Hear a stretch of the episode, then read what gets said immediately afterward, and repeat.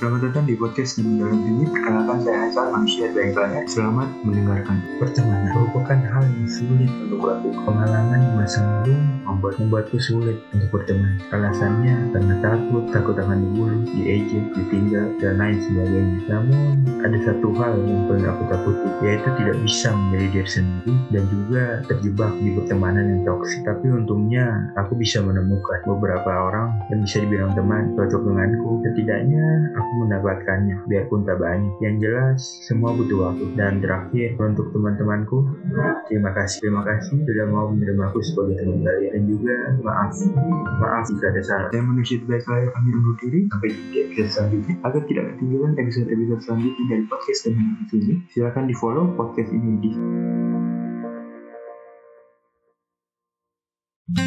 di.